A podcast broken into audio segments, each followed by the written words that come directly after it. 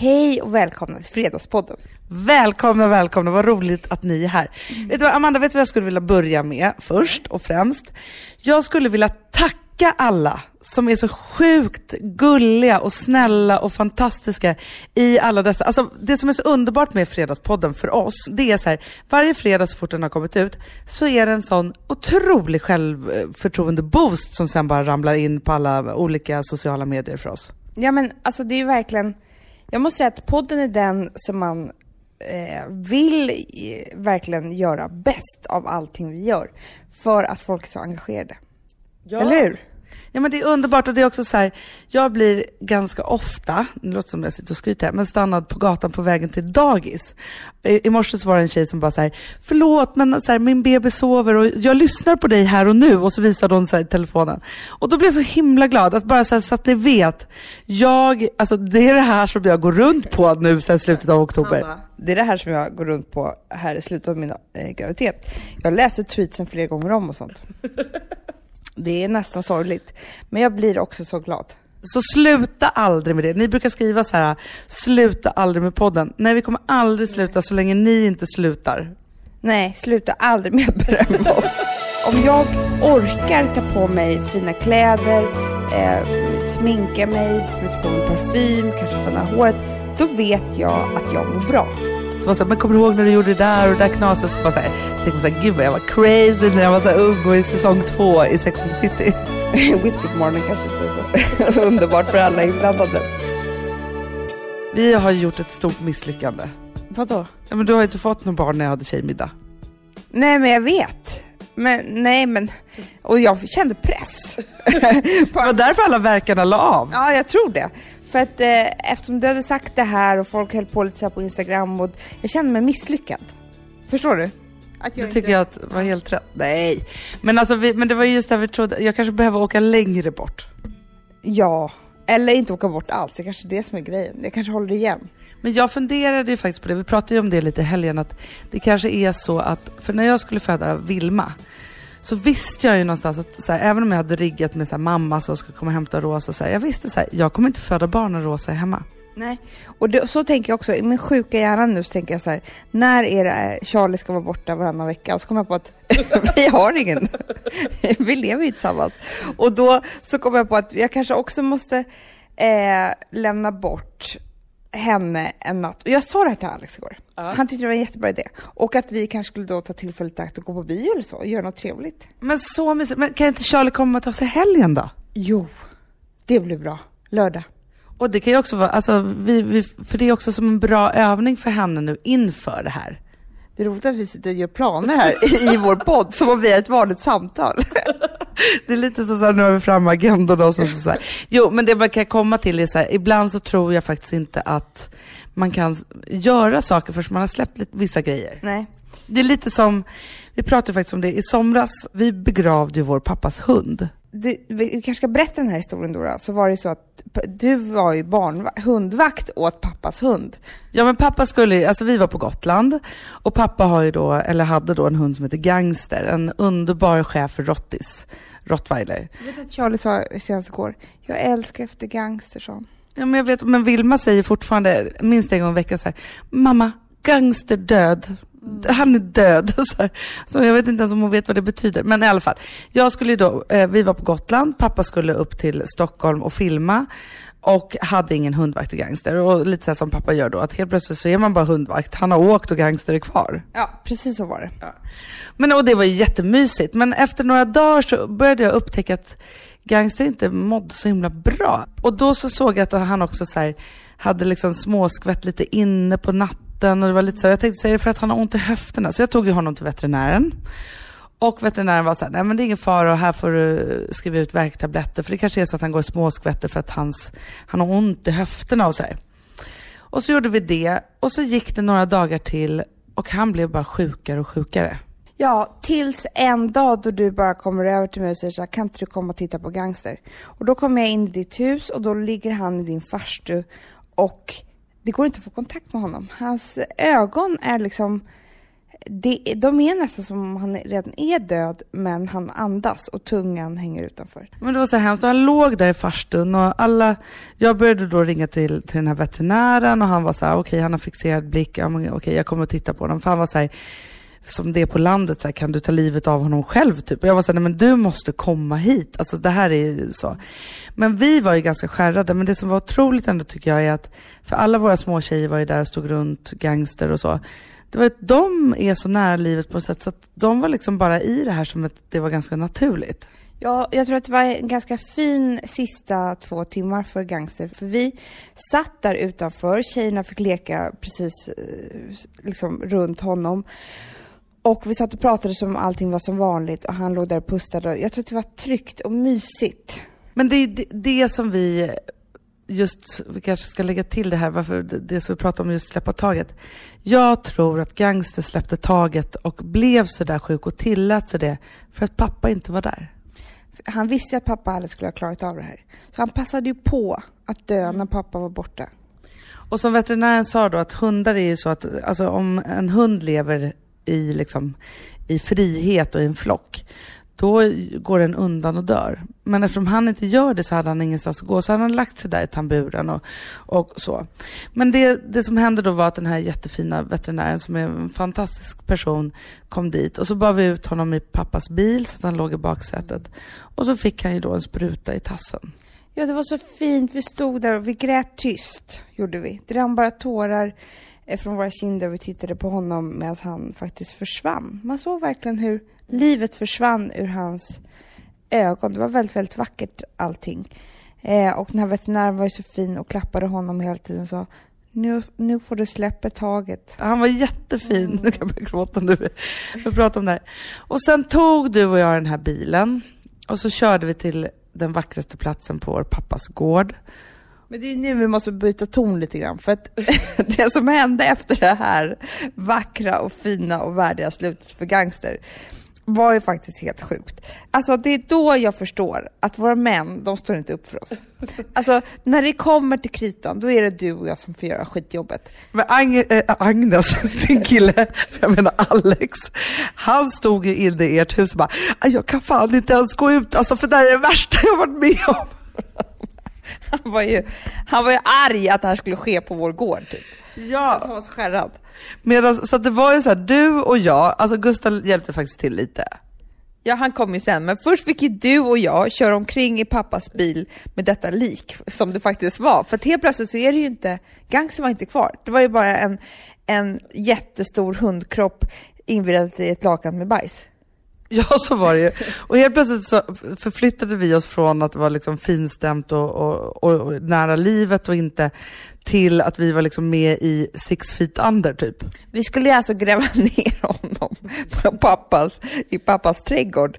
Från bakluckan så då tog vi honom i det här lakanet till en skottkärra för att köra ner honom då och gräva ner honom. Men vi gjorde ju det i alla fall. Vi gjorde det, men det tog ju lång tid och det var så här, eh, det var verkligen, men alltså jag kommer tänka på en helt otrolig historia, Hanna, som jag inte vet om jag får berätta. Men jag gör det ändå. Jag får bara, jag hör den på omvägar. Och det handlar om ett par som jag känner lite grann som var på en semester. De skulle åka ut med eh, en båt och liksom göra någon slags, alltså det var någon från hotellet, de, eh, deras föräldrar var också med, också ett annat par. De skulle göra någon slags utflykt med båt, tre timmar bort, se någon jättevacker klippa eller vad det var. När de har åkt i tre timmar så ska de då hoppa ner och bada. Var på det här andra paret som är med, frun omkommer i vattnet. Hon får en någon slags... Men vad är det här för, vadå, det här är folk du känner och så? Men jag kände inte paret. Alltså jag kände, de kände inte de som var med. Var har du fått den där storyn ifrån? lyssna nu. Alltså ett par som jag känner, deras föräldrar och sen så var det ett par till som också var från hotellet, som de inte kände, som jag inte kände, som var italienska typ. Mm. Hon omkommer i vattnet. Italienskan typ? Italienskan, främlingen. De får liksom lotsa in henne i båten igen. det är ju fruktansvärt Anna. Och sen så var det ju så hemskt. Alltså mannen var ju så ledsen. det här blir bara sjukare och sjukare. Ja, det förstår jag att han var jätteledsen. Det intressanta i det här som jag kände lite som hände med oss med gangster, det var att de skulle ju åka tillbaka då till hotellet. Den döda kvinnan låg i båten. Och det var tre timmars färd tillbaka. De kände ju inte det här paret. Så även fast mannen satt och var ledsen och, och var i chock och sådär. Så liksom, det blev så att efter två timmar, alltså två timmar en kvart, då var det så här, var ska vi äta middag ikväll? Förstår du? Det blev så absurt för att det går inte att sörja hur länge som helst med någon man inte känner. Alltså det går inte. Nej, det förstår jag. Och det var ju lite det som hände med oss och Gangster också. Att helt plötsligt när vi stod där och grävde gropen så var det så här, eh, men jag kanske fortsätter gräva då så kan du gå och sätta på potatisen. Ja men jag vet, det var ju faktiskt där vi hamnade. Men också redan när vi körde den här bilen så var det lite så här. Det är ju helt crazy bananas att vi är de som begraver den här hunden nu. Vad är vår pappa? Ja, men Gangster ville ju inte. Alltså det var ju det. Han ville att vi skulle göra det.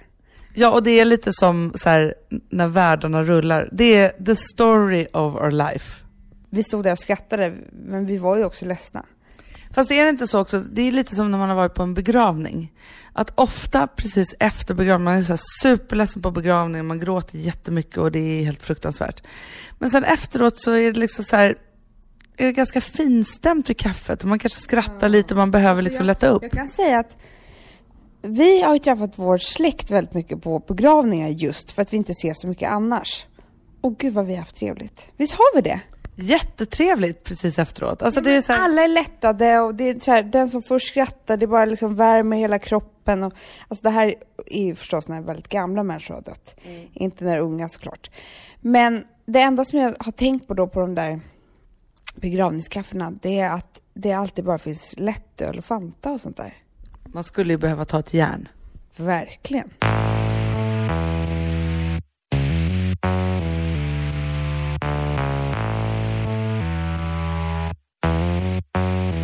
Sambla som vi sponsrade av är tillbaka. Ja, men det tycker jag är så kul. Vet du vad jag kände?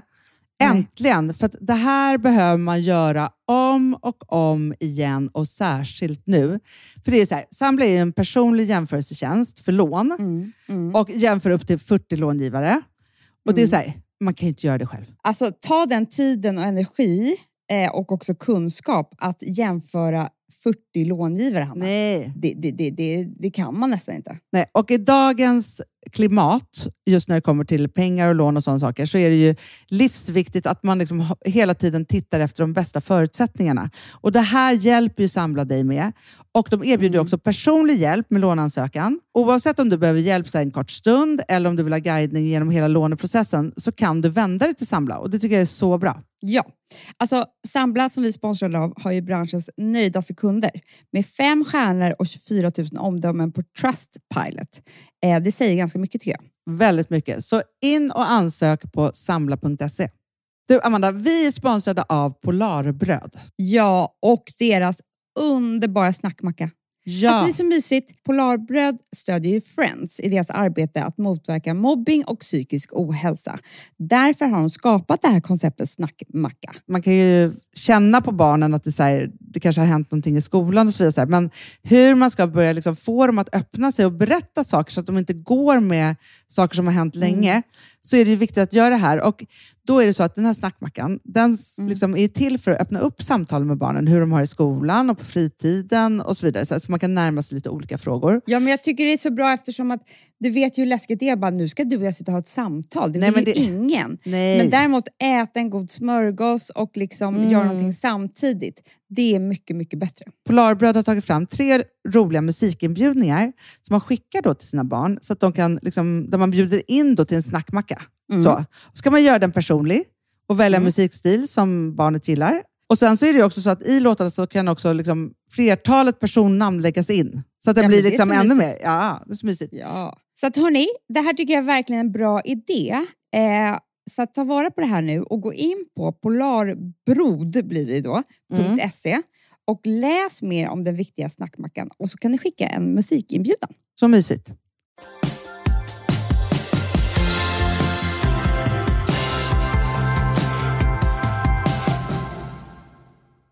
Det jag har tänkt på under de här dagarna, när jag bara varit hemma och väntat på att jag ska föda barn, är att jag absolut inte trivs med att eh, gå omkring, det här låter konstigt när jag säger gå omkring och vara ful, men då menar jag osminkad, eh, liksom eh, ofixad på alla sätt och vis och bara allmänt äcklig. Det första jag tänker på då, det är att det är lite sorgligt att det är så. Eller hur? Nej, det tycker jag inte. Nej, men ändå att det är så viktigt för mig att jag upp, upptäcker det i det här att det är viktigt för mig att känna mig fin. Att det, att det liksom har stor, eh, Eh, att jag lägger så stor vikt vid det. det. Det kan man ju tycka är lite sorgligt. Fast vet du vad jag skulle vilja säga här? Jag, nu har jag en teori om dig i det här. Vet du vad jag tror? Precis som att så här, jag brukar säga så här, att jag är en institutionsmänniska som behöver liksom gå upp och gå till ett jobb för annars får inte jag något bra. När du går upp på morgonen och sätter på dig fina kläder, du sminkar dig, du är liksom så här lite på gång och så. Då har ditt liv en mening. Nu när du inte gör det och får den där starten så vet du inte riktigt vem du är. Precis så är det. Och det är det jag kan tycka är lite sorgligt när jag tänker på det. Men samtidigt så, så läste jag också, eh, alltså jag är ju så beläst för att jag inte gör någonting annat. Men hon som skrev Prozac Nation, skitcool eh, kvinna, eh, som är kanske 45 år, hon skrev en eh, krönika i Vogue om att man inte får liksom blanda ihop det här med att, eller man får vara feminist men också tycka att det är väldigt viktigt att, att se bra ut. Och hon så, beskrev sin mamma så fint. Hon sa så här, min mamma eh, gjorde, gick alltid ner i tvättstugan och gjorde veckans tvätt på söndagarna i rött läppstift och höga klackar, för hon ville behålla lite värdighet. Och jag tyckte på något sätt att det var så här, för mig är det att jag tappar lite värdighet i det här. I att vara ofixad på ett sätt. Ja, men jag förstår vad du menar. Men, men blir du liksom ledsen och tapp, hamnar du utanför dig själv? Jag känner att jag tappar bort mig själv. Och det är då jag tycker att det är lite sorgligt att det är en stor del av mig. Men samtidigt så är det så att det tar tempen väldigt mycket på min psykiska hälsa. Men för du kämpar inte emot det här alls just nu? För du skulle ju också kunna vara så här, föda högklackat och, och läppstift, typ. Ja, verkligen. Så skulle det kunna vara. Det finns ju inget som stoppar dig. Du har ju oändliga eh, timmar här som du kan bara liksom hålla på och sminka dig jättemycket. det har du rätt i. Kanske det jag ska börja med. Nej, men jag bara menar att, att för mig så är det så här, om jag eh, orkar ta på mig fina kläder, eh, sminka mig, spruta på mig parfym, kanske fönna håret, då vet jag att jag mår bra. När jag inte gör det så mår jag inte lika bra. Och det är väl det. Alltså varför det här är ett problem är ju för att det är samma sak för dig som om när du mår bra och dåligt. Men just nu så är du ju bara i ett tillstånd där du mår jättebra, men du går inte ut hela tiden och visar upp det för folk och liksom sådana saker, så du tycker inte att du behöver det. Alltså så är det så att egentligen så mår du superbra, men du är i samma situation som när du mår dåligt bara för att du inte gör det till. Du är smart Hanna. Du är som en terapeut. Det där var väldigt bra analys tycker jag. I have my moments. ja men det är det, för det är precis som du säger att jag, jag uppfattar mig själv just nu som om jag vore deprimerad. För att jag inte orkar fixa mig och hålla på. Fast jag är inte det. Ska jag säga någonting som kanske är lite värmande då? Ja tack. Förutom att du är söt som socker när du sitter här i soffan, så vill jag bara säga så här att jag är ganska fixad. Jag kommer från någon lunch på is och haft någon frän businesslunch och, och sminkad och alltihopa. Vet du, när jag tänker på att du är höggravid och sitter hemma i soffan med datorn och, och bara väntar på det där, kan jag bli så avundsjuk. För att det är så här, det ultimata myset precis innan man ska vara med om någonting jättestort. Och då, så jag skulle bara vilja ge dig att jag, jag tror att det är så många som drömmer att vara precis som där du är just nu. Ja men det är mysigt. Men jag, jag tänker att du kan låtsas att det är jul eller något. Jag har fått sådana julkänslor. Jag också. Alltså jag vill köpa hyacinter. Jag, jag med! Så här, att vi ska, att balkongen, att vi ska slå på stort i år och ha så här, eh, tomtar som hänger ner och sånt där. Jag är ju en shopaholic. Ja. Av rang. Ja. Det erkänner jag. Eh, det är, ger mig otrolig tillfredsställelse Alltså eh, på ett osunt sätt att handla kläder. Eller Men vill du bara köpa allt? Eller liksom, för ibland är man ju shopaholic på olika saker. Det finns ju de som har så tio barnvagnar och liksom sån sak. Vad är det du liksom vill köpa? Jag måste köpa något varje dag. Det spelar ingen roll vad det är. Alltså det kan vara, inte tuggummi, Eh, jag tycker inte ICA räknas, men, men det kan mycket väl vara en, en smörkniv. Du vill liksom så här, men ha något nytt att lägga till i ditt liv. Ja, det är ju som en drog. Och, men det jag skulle säga med det här, som jag har tänkt väldigt mycket på, det är att så här. Okej, det fattar väl vem som helst att eh, det, det är säkert, alltså, alltså, jag kan säkert bli av med det här och att jag kan hela mig själv på något vis, att jag inte behöver eh, ens materiella ting överhuvudtaget. Men, är inte det här ett bättre beroende än något annat? Ja, det drabbar ju ingen fattig direkt. Men jag bara menar att man skulle kunna varit där att man tog droger eller alkohol eller eh, alkohol i och för sig tycker jag väldigt mycket också om. Men alltså, Men, men är det här, för, att, för det är det man brukar säga att om man är en missbrukarpersonlighet och sen så till exempel så slutar man... egentligen. Tycker du det? Nej men det är det jag vill säga att det är så här, för, för då om man liksom till exempel slutar knarka så börjar man shoppa istället för att man liksom så här, man har alltid ett missbruksbeteende för att man är en missbrukarpersonlighet. Och det tycker inte jag riktigt att du är, så att jag tycker att det här är mer så här något du har adderat bara för att du vill ha massa grejer. Nej, okej, jag har absolut ingen missbrukarpersonlighet. Däremot så vet jag att det kan döva eh, en lit, alltså gå till NK till mig, gå, gå dit, det, det är liksom, det är att döva lite ångest. Där är jag, förstår du? Men vet du vad jag tror? Att det här är inte så mycket liksom, eh, ligger i din personlighet. Det här är ett socialt arv som du har med dig från vår, din barndom. För att när mamma fick lite egna, började jobba och fick lite egna pengar och liksom sådana saker, så spenderade vi ju hela helgerna på NK för att det var väldigt så här, mysigt att samlas där, det var väldigt ångestdämpande. Också en revolt mot pappa. Ja, vi hade inte fått köpa något på 10 år, eller 15 år. Och nu så bara så här, gick vi loss. Så det var ju en revolt och vi var där. Och sen så var det också så här, man köper någonting mysigt och så. Alltså jag kan ju känna igen den där känslan av tillfredsställelse. För att det är så här, om jag till exempel ska gå ut, då vill jag köpa någonting som liksom, ja men så att jag har någonting Det kan nytt. ett nytt nagellack. Ja! Men det jag tänkte på då, det är i alla fall så här att jag vill inte bli av med det här. Jag tycker att det, är, eh, det ger mig så mycket i mitt liv. Eh, och folk må tycka att det är tragiskt. Men jag vill addera sådana här saker i mitt liv. Jag kan till exempel tänka så här, gud vad jag skulle vilja tycka om whisky. Men jag förstår vad du menar, men vet du vad jag tycker att du skulle göra? Eftersom du inte är en missbrukare, du skulle kunna sluta med det här när som helst, men det är väldigt tillfredsställande. Då tycker jag att du ska sluta kalla det för att det är så här, du är shopaholic. Det här är ju din hobby. Det är det jag känner Hanna, precis! Alltså nu sa du igen. Dina analyser idag är klockrena. Du har inte träffat mig på ett par dagar, så det är det du sa. Du är helt överväldigad av hur smart. Jag är som vanligt. För det är det jag tänker. Alltså jag, folk kämpar för att bli av med beroenden i sitt liv. Alltså hon tänker så här, jag ska sluta dricka kaffe eller koffein eller jag ska sluta röka, snusa, dricka, shoppa, vad det nu kan vara. Jag vill addera alla de här sakerna i mitt liv. Jag vill ha fler saker. Alltså jag älskar mitt morgonkaffe, det är det bästa jag vet. Jag skulle aldrig vilja ta bort det. Däremot skulle jag bli superglad om jag kunde ha det här med whiskyn också till exempel, som jag inte tycker om. Men, eller vad det nu kan vara. Att jag, Men tänk att vara så här, nej men till kaffet tar jag en kalva. Och älskar det. det är min dröm Hanna. Det är det, jag, det är det jag säger. Vill inte du det? Jo men jag, jag känner precis på samma sätt, men vi är typ så här uppvuxna i den här bantaråldern där man ska liksom så ta bort saker och ting, man ska ta bort dåliga vanor. Det är väl bättre att jag så gör allting jag gör, men ibland lägger jag till en detox också. Ja, och liksom jag, jag tror att man kan göra jättemycket saker för hälsan. Men jag tror inte att det är där skon kommer klämma när man väl stryker med. Om man har tagit, druckit kaffe på morgonen eller whisky eller vad det nu kan vara. whisky på morgonen kanske inte är så underbart för alla inblandade, men eh, Jäkligt festligt för dig.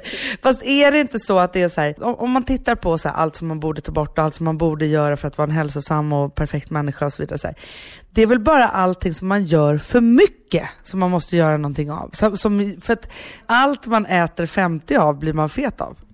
ja, det är faktiskt sant. Alltså men- apelsiner som tomater eller vad det liksom nu är. Men däremot om jag äter en, li- eh, en chokladbit, nej den kommer jag inte bli tjock av. Men jag äter 50 chokladbitar, ja det kommer jag bli. Men vad skulle du vilja eh, addera till för beroenden i ditt liv? Men framförallt så tycker jag att jag borde dricka mer. Det tycker jag också, men det kommer jag, jag kommer kämpa med det efter min graviditet. Alltså få med dig på banan. Ja men där är det så här, för just den där att jag kan liksom vara lite så här för redig och istället för att öppna den där Amaronen och liksom bygga ett event runt det. Så här, jag dricker aldrig bara det där glaset utan antingen tar jag med en redig fylla eller så gör jag det inte. Och nu är det så glest mellan de rediga fyllorna så då blir det nästan ingenting. Så det skulle jag vilja addera.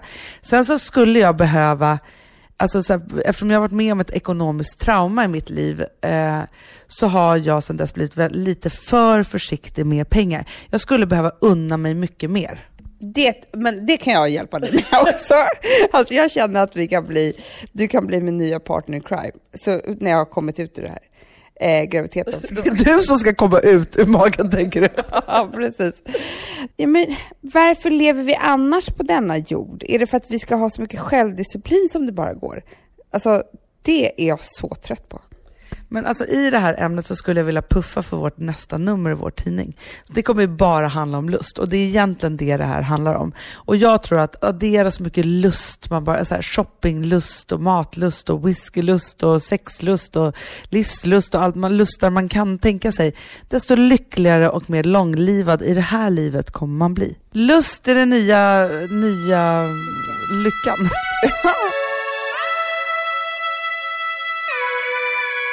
Det har ju blivit fult att bry sig om yta. Ganska mycket. Och jag får, jag får väldigt mycket kommentarer om det som är så här, men gud hur kan du, eh, kan, om du bara kunde sluta bry dig om krämer och istället bry dig om saker som är viktiga i livet. Så där. Och då känner jag mig lite dum.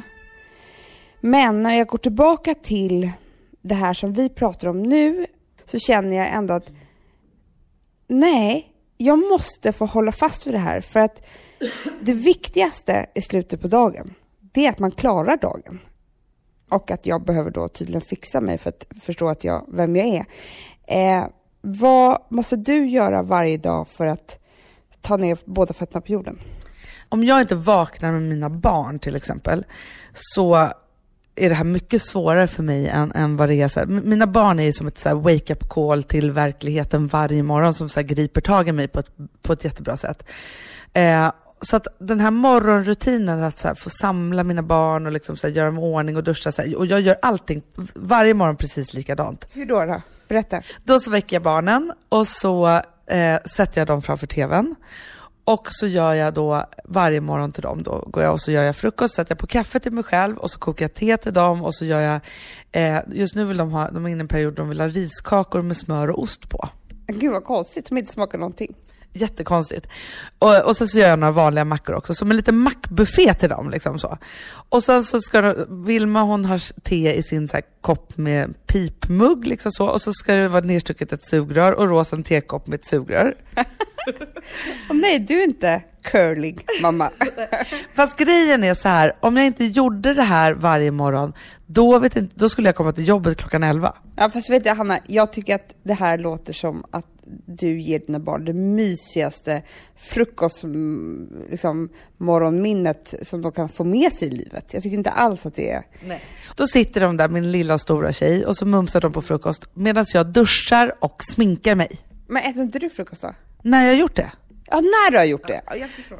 Så då när jag har, alltså så här, medans de då, eh, för då puttrar jag mitt kaffe, mina ägg håller på att koka, som jag också satt igång innan jag hoppar in i duschen. Och då vet jag att äggen kommer vara klara och kaffet kommer vara klart precis när jag är färdig, ungefär efter sju minuter. ja, och då äter jag då, då tar jag mitt kaffe och mina ägg och så, så antingen sätter jag dem själv i köket eller så, så. Och sen när jag har gjort det, då är det dags för hela påklädningsracet. Och och det kan ta tid. Ja, men då är det först där, Rosa som ska till skolan med gympakläder och alltihopa, hon måste gå klockan åtta. Liksom så. så iväg med henne och när, jag, när vi är klara med det, då klär jag och Vilma på oss och så, så packar jag i ordning alltihopa och sen så drar vi till dagis. Mysigt. Och om du, inte, om du inte gör allt det här så... Ja, men det här gör mig redo för dagen. Så det är mina rutiner och om jag inte gör det, om jag faller utanför den här och har en dag så här, alltså nu är det så här, visst om jag har en dag ledigt så är det jätte, jättemysigt. Men som förra veckan till exempel när jag var hemma med Vilma som hade vattkoppor hela veckan, då hamnar jag lite lätt och för jag vet inte vart vi ska och vart vi ska gå och hur det där är och så vidare. Så här. Och jag tror också att det är en sån här bra grej som så här, vi är egna företagare, ja men vi kan ju komma och gå när vi vill. Men jag har fortfarande som att jag är så här, jag ska vara på jobbet si och så, så att, alltså, ofta har man ju något möte och så här. Men du förstår vad jag menar i så här, då är jag preppad för dagen, jag har gjort med ordning barnen, det är ordning och reda på barnen, jag har liksom kontroll. Ja, kontrollen. Din bästa vän och din största fiende. Exakt.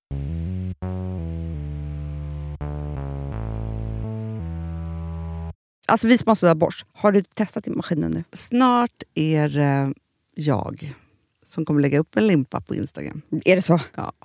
Är det så? Det som har varit så svårt för mig, Amanda, det är ju att bakning, alltså så här, matlagning, då kan man göra lite Mm. hejsan hoppsan. Bakning är kemi. Ja, och vet du vad som också har varit svårt? Det är ju att du kan inte så här, alltså tomatsås så kan du ju salta och peppra och allting med tiden och smaka Mm. av. Det är svårare med en deg alltså. Vi är ju sponsrade av Bosch nya köksmaskin serie 6. Och den är extra smart. Och det är tur för mig kan jag säga. För att det är så här att först så liksom, man väger sina ingredienser direkt Ja, i och det bunken. här läste jag om. För det var något recept jag skulle göra. Det var så här, ta inte med decilitermått eller så. För att det blir inte samma. För då trycker man... Det är inte, det är inte samma vikt. Nej, men Alltså, det kan bli liksom det kan bli deciliter jättefel. fel hit och Ja. dit. Alltså, så. Ja. Men då gör man ju det så här, Det är ett geni av- ovanpå maskinen. Ah. Så mysigt, man känns så duktig. Sen finns det en integrerad timer. Ah. Och då är det också så här, alltså för, förstår du, för det här är så här, alltså de som bakar mycket är väl så här, ja man har en hushållsvåg. Jag har aldrig haft det än. Nej, men också Hanna, det här som, jag har alltid tyckt att det är så svårt typ, att vispa äggvita. Jättesvårt. Det är för svårt. Men det behöver inte jag kunna, för det kan min serie 6 köksmaskin från Bosch. Ja, nej men alltså, den är underbar. Hörrni, det är också så här, att, för det här är ju eh, ja, en jättebra investering. Men just också eftersom det är en investering och man vill verkligen att det ska funka så är det så bra för man kan prova 100 dagar hemma med fri returrätt. Mm. Så. Alltså för att Bosch de är så säkra på att du blir nöjd. Så de Ja. kan erbjuda det. Och jag tycker verkligen, eh, alltså nu när ni ska möta våren, in och läs mer på Bosch köksmaskin serie 6 och köp den hos Power. Det kommer bli en, en underbar sommar. Voff, voff, voff. Det vet vad det betyder på hundspråk? Det betyder att jag är hungrig. Jag vet, men vet du? Nej, jag är sugen på Prima Dog. Ja. Vi är sponsrade av Prima Dog. Ja. Det är vi. Men du är ju bara hungrig på Prima Dogs mat. Alltså jag tror att det är så gott att vi skulle kunna äta det, Hanna. Verkligen. Ja, men alltså, så här, de har ju nu också, sen vi hade, eh, började vårt samarbete, så har de nu uppdaterat sitt utseende Mm. och gjort väldigt nya snygga förpackningar med inspiration från den nordiska naturen. Ja, för det är ju Taste det. of Nordic happiness. Exakt vad jag skulle säga. Och de vill ju, de bryr sig verkligen om hundar, Hanna. Alltså de gör det. Det gör de. De vill att de ska få leva ett långt, aktivt och glädjefyllt liv. Och Därför har de skapat de här produkterna som är väldigt snälla för magen. Och Det, alltså, det måste man tänka på med små woofsystarna. De vill vara bekymmersfria. De vill inte ha ont någonstans. Nej, men det blir också så att hundägarna blir också bekymmersfria. För annars kan man ju vara så här, "Ha, behöver du gå ut nu eller inte? Har du ont i magen? Alltså hundar kan ju Också inte på prata. mina mattor blir bekymmersfria. Ja, det är så bra. Om man nu ska Nej, här, prata för, om sånt. För, för hundmaten från Prima Dog, de innehåller ju alltid mycket kött och är alltid fritt från vete. Mm. Och Det finns ju också spannmålsfria alternativ om hunden har extra känslig mage. Ja, alltså hörni, ni måste, eller ni testa, er hund måste få testa det här. Och ni hittar ju Prima Dogs produkter i er lokala matbutik eller hos återförsäljare online. Ni kan gå in och läsa mer på primadog.se. Taste of Nordic happiness.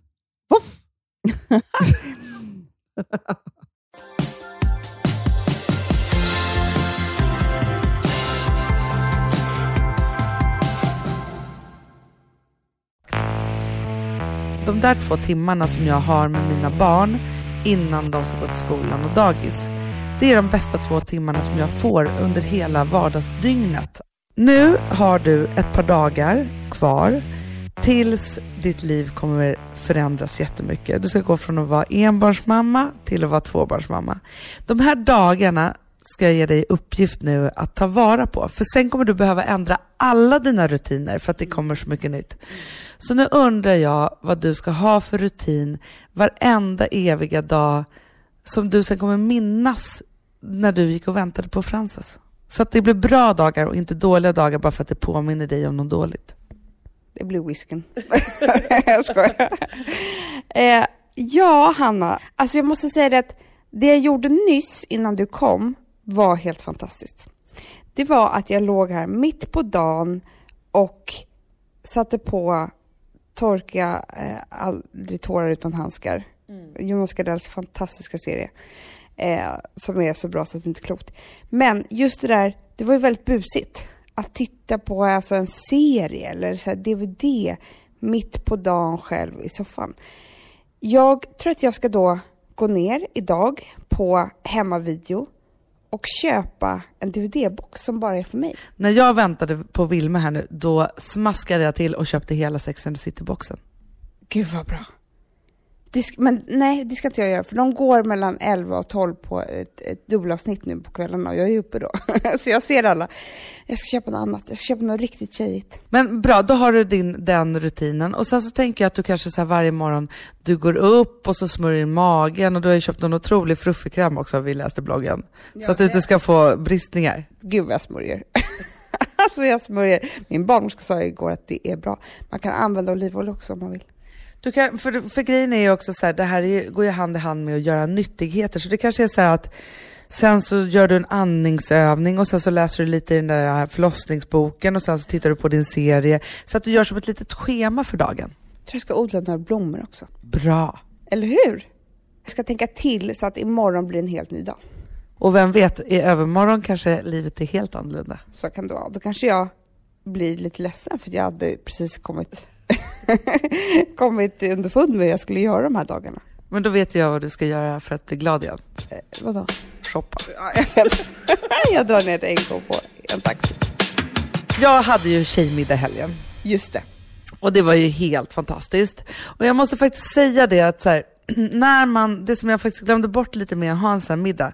Jag skickade iväg Vilma och Gustav eh, vid typ så två och jag skulle ha tjejmiddag klockan sju. Och helt plötsligt så fann jag mig där i mitt kök, gående så här pysslandes, hackandes grejer, dukandes och bara och lyssnade på jättemycket hög härlig tjejmusik helt själv. Och det var så otroligt så här helande verkligen. Ja, jag kan verkligen förstå det. Gud vad mysigt det låter. Så fruktansvärt mysigt. Men, och sen så kom då alla mina de här gamla tjejkompisar. Jag har liksom valt verkligen att så bjuda ja, men liksom mina gamla kompisar som jag inte har träffat på väldigt länge. Och de, de har jag ju känt mellan 20 och 10 år minst, de här tjejerna. Och det som var så underbart, det var ju att jag liksom fick hela bilden helt plötsligt. Man är ju så här, om jag tror att det är så här med den eller jag säger så. Nu vet jag liksom allt. Men det som slog mig i det här, det var någonting som både härligt men också sorgligt och lite läskigt. Mm. Det är att så här, där var då sju stycken jättebra tjejkompisar. Eh, jag är nog yngst på mina 37 och sen så resten är liksom äldre än vad jag är och de är liksom runt 40 och så. Och helt plötsligt, vi som är då uppvuxna i Sex and the City-generationen, så upptäckte jag att vi var inte på första, andra serien, vi var i sista säsongen av Sex and the City. Gud, jag får nästan tårar i ögonen när jag tänker på det. Och det som var så otroligt med den sista säsongen, jag minns så väl när jag liksom såg den, för jag tyckte att de väl, det är någonting med, när man är runt 30, då är alla liksom såhär, ja, alla ska skaffa barn och man är precis i början av ett förhållande, man är si och så, ingen har fått så dåligt. När man är 40, då har någon skilt sig, jag till exempel. Eh, man upptäcker om man har svårt att få barn, om man inte kommer att få barn, om man har fått massa barn, eh, om det var den mannen man skulle leva med eller inte, eller om man kanske har, alltså någonting annat någon kanske kommer bli sjuk inom ett par år. Alltså det är så här, som, som det är i det där att, för livet runt 30 är ganska så här sorglöst och man är liksom bara så här i det där och ingen har överhuvudtaget ens behövt tänka någon tanke om så här hur livet blev. Men nu är man där i någon helt annanstans då man är och nallar på det där hela tiden. Men och hur kändes det? Var det för det låter ju som att det är, är ganska sorgligt det du beskriver egentligen. Var det det? Nej, men det som är så, var så superhärligt är när jag sitter där med mina vänner som jag känt så himla länge så är det alltså att kalla det tjejmiddag är ju att förringa det här för det här var ju en powerkvinnomiddag. Det är otroligt så här, framgångsrika, superhärliga kvinnor som sitter runt det där bordet som verkligen liksom har, har gjort massa härliga saker i sitt liv. Och det är inte sorgligt, men det som händer vid 40 är att man har en liten sorgkant runt. Alltså man har blivit lite naggad och lite så här, du förstår vad jag menar? Det, och det, jag skulle inte vilja kalla det för, det är inte sorg lika med tragiskt, utan det är, det är sorg lika med livet, lika med fint. Förstår du vad jag menar då? Men jag, men jag måste säga det Hanna, att jag, eh, jag kan verkligen också uppskatta det där du beskriver. För att ibland när jag tänker på att man skulle vilja vara yngre eh, och så träffar jag en 21-åring så kan jag känna så här, nummer ett, vad skönt att jag inte är det. Och nummer två, vad ointressant den här personen är. Och det är inte, den är inte ointressant på det sättet. Det är bara det att när man har blivit lite äldre så är det just en massa saker som har hänt en själv och ens eh, vänner som gör att man faktiskt har en massa saker att prata om som är mycket mer på riktigt än vad det är när man är 21.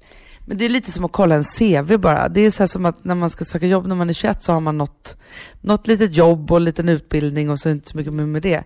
Medan när man är 37 så behöver man inte ens något CV för att man har så mycket som man liksom har i bagaget. Och det är på något sätt som att ens livs-CV är så fullt. För det som jag kände var så här, här sitter jag med sju, och inklusive mig själv, åtta otroliga livshistorier. Alltså det var som att så här, och sen så också så här, det som är härligt med det där 40, eftersom vi pratade livskri eller ålderskriser också sist och det var så här, 40 var så gammalt och så vidare. Så här.